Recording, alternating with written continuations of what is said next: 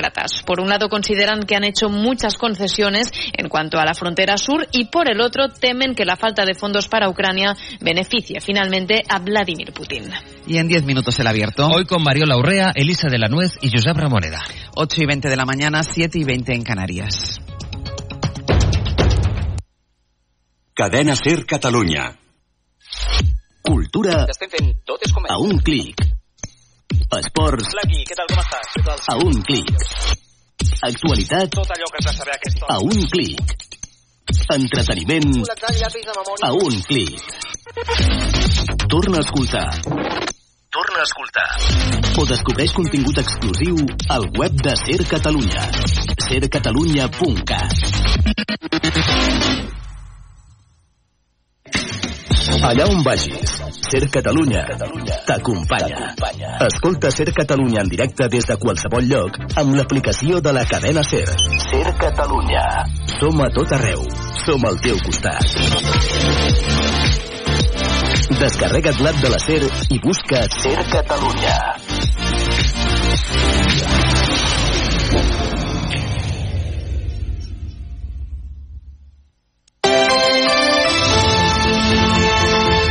Hoy por hoy Catalunya.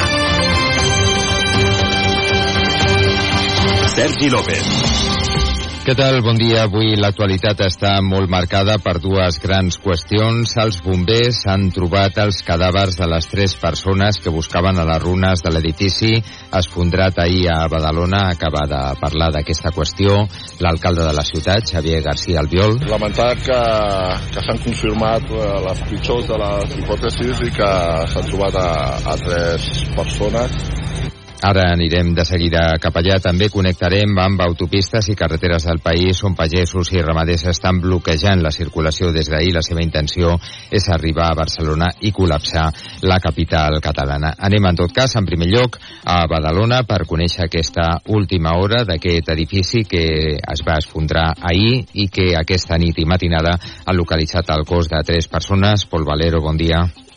Bon dia, Sergi. Doncs el Viol, l'alcalde de Badalona, que ha atès a la premsa acabada compareixença fa uns minuts, primer havia parlat amb alguns dels familiars de les víctimes i veïns eh, del bloc. Ens ha explicat, ens ha donat alguns detalls d'aquestes tres persones desaparegudes. Ens ha dit que una era una mare amb dues filles que, que s'han quedat soles. Ha dit que és una, una veritable tragèdia. També hi havia un pare eh, que feia menys d'un mes que havia tingut una filla. El Viol també ens ha reiterat que, que quan parla amb els veïns li, li comuniquen que fa un mes l'edifici va passar una inspecció tècnica i que tot semblava normal, de manera que, com han dit també els bombers, eh, s'haurà de continuar investigant les causes d'aquest eh, esfondrament.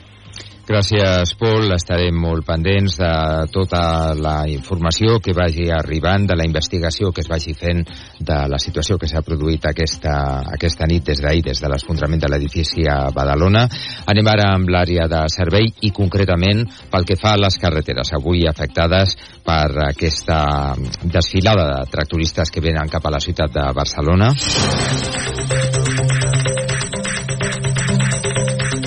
Com estan les coses, Àlex Huguet, a aquesta hora, a la xarxa viària catalana? Bon dia. Molt bon dia. A l'espera que avancin les marxes lentes cap a Barcelona, ara s'està tallant l'accés a la Meridiana per una altra manifestació que genera ja trams de 6 quilòmetres tant a la C58 des de Ripollet com a la C33 des de Montcada i Reixac. De moment, però, es mantenen les mobilitzacions des d'ahir al matí amb l'A2 com un dels punts de trobada més forts a Fondarella, entre Belllloc i Golmés, la P7 a Medinyà, però amb la via afectada entre la població de Vilademuls i Sant Julià de Ramis.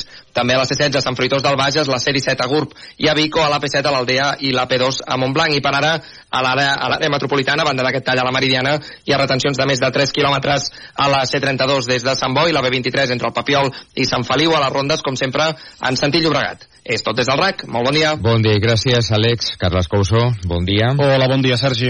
Els pagesos de Lleida, de Tarragona, de Girona i la Catalunya Central ja van camí de Barcelona per fer arribar les protestes després d'haver fet nit a les carreteres a la capital catalana. Tota la nit, equiparats, i a les 7, direcció Barcelona, fins a la Diagonal de Barcelona. Anirem allà i els aparcarem. Bueno, la intenció, sobretot, a veure si podem fer una mica de pressió, si, ja, si intent, intentarem aconseguir que ens faci cas algú, si ens volen escoltar.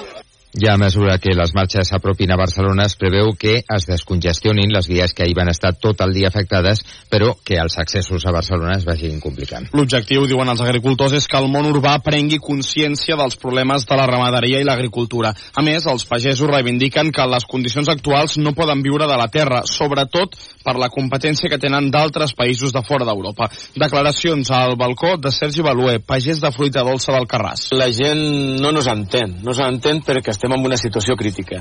Vull dir, el camp català està a les últimes. No volem viure de subvencions nosaltres, volem viure del nostre producte. Però clar, nosaltres el que no podem fer en aquests moments és estar competint amb un producte de tercers països on no es compleix ni els convenis que s'estan complint aquí, ni les normes sanitàries, mm. cosa que aquí a Europa eh, tenim les normes més dures de tot el món. Tenim una competència deslleial. Anem en aquest punt a una de les zones, a una de les vies que té els tractoristes venint cap a la ciutat de Barcelona, concretament a la zona de Girona. Bert Artigas, com estan les coses a aquesta hora? Quina és la fotografia? Bon dia.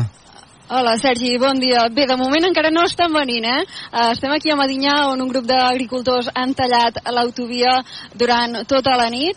Aquí la situació actual és, tots els pagesos estan dins dels seus tractors, els tractors estan posats en fila a l'AP7, direcció Barcelona, però de moment eh, no es mouen. Està, suposo que, que ho faran en breus, tot apunta a que ho faran en breus. Estava previst que sortissin a les 7, van amb una hora i 25 minuts eh, de retard tard. Ja hem sentit algun, algun crit de Barcelona ens espera.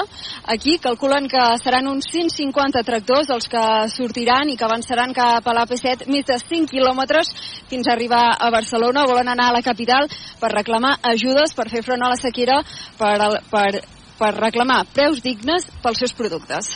Barcelona els espera, però serà d'aquí una estona si continuen sense sortir des del punt d'inici. Gràcies, Berta. Fins ara, adeu. El president de la Generalitat, mentrestant, Pere Aragonès, rebrà aquesta tarda alguns dels representants de la pagesia. El govern català assegura que dona suport a les seves reivindicacions. És David Mascort, conseller d'Acció Climàtica i Agenda Rural. Fa uns quants anys ja que treballem plegats amb ells per intentar resoldre força de les problemàtiques que ens generen tantes circumstàncies no desitjades ni per ells mateixos ni per aquest govern ni pel conjunt del país.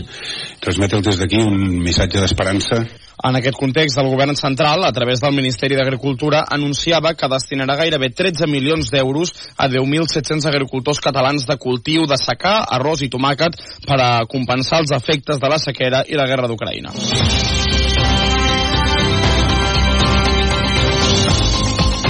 Avui tercera jornada i en principi l'última del judici contra Dani Alves per la presumpta violació a una noia a la discoteca Sutton. Ahir la segona sessió, la seva dona i diversos amics van apuntalar la versió que anava begut, un fet que la defensa vol fer servir per demanar un atenuant per embriaguesa, informa Martí Rodríguez. La dona d'Alves va declarar que el futbolista va arribar a casa sobre les 4 de la matinada totalment begut i fent pudor a alcohol. Diu que va xocar amb diversos mobles abans de desplomar-se sobre el llit i que quan li va preguntar sobre la nit, Alves no va dir res sobre el seu pas per Sutton. Abans que ella va declarar Bruno, l'amic que va estar amb Alves al reservat de la discoteca amb la víctima i les seves amigues.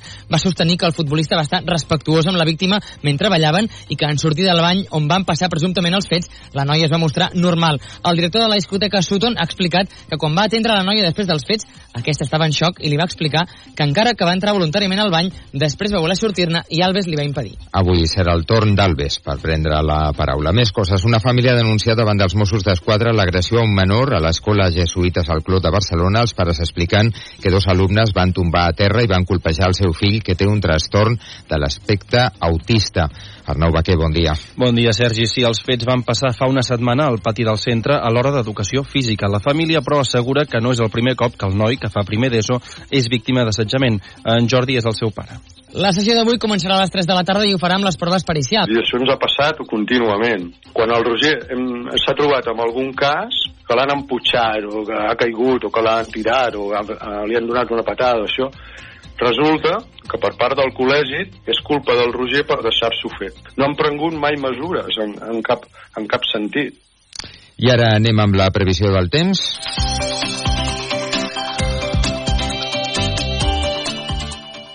Què ens espera avui, Jordi Carbó? Ambient una mica fred a aquesta hora del matí, però amb el sol que farà la major part d'hores, a la tarda l'ambient serà suau.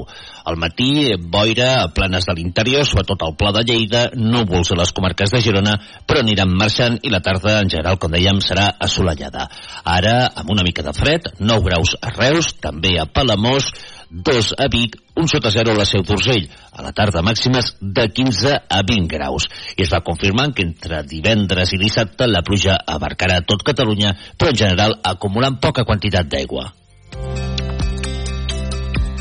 Doncs al llarg de tot el dia estarem pendents de la informació que ens vagi arribant dels agricultors que venen cap a Barcelona i també la que es vagi produint sobre la investigació a Badalona. Dos quarts de nou del matí. Bon dimecres.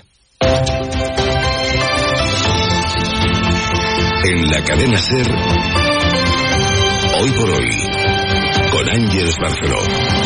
Son las ocho y media de la mañana, las siete y media en Canarias. CaixaBank patrocina este espacio.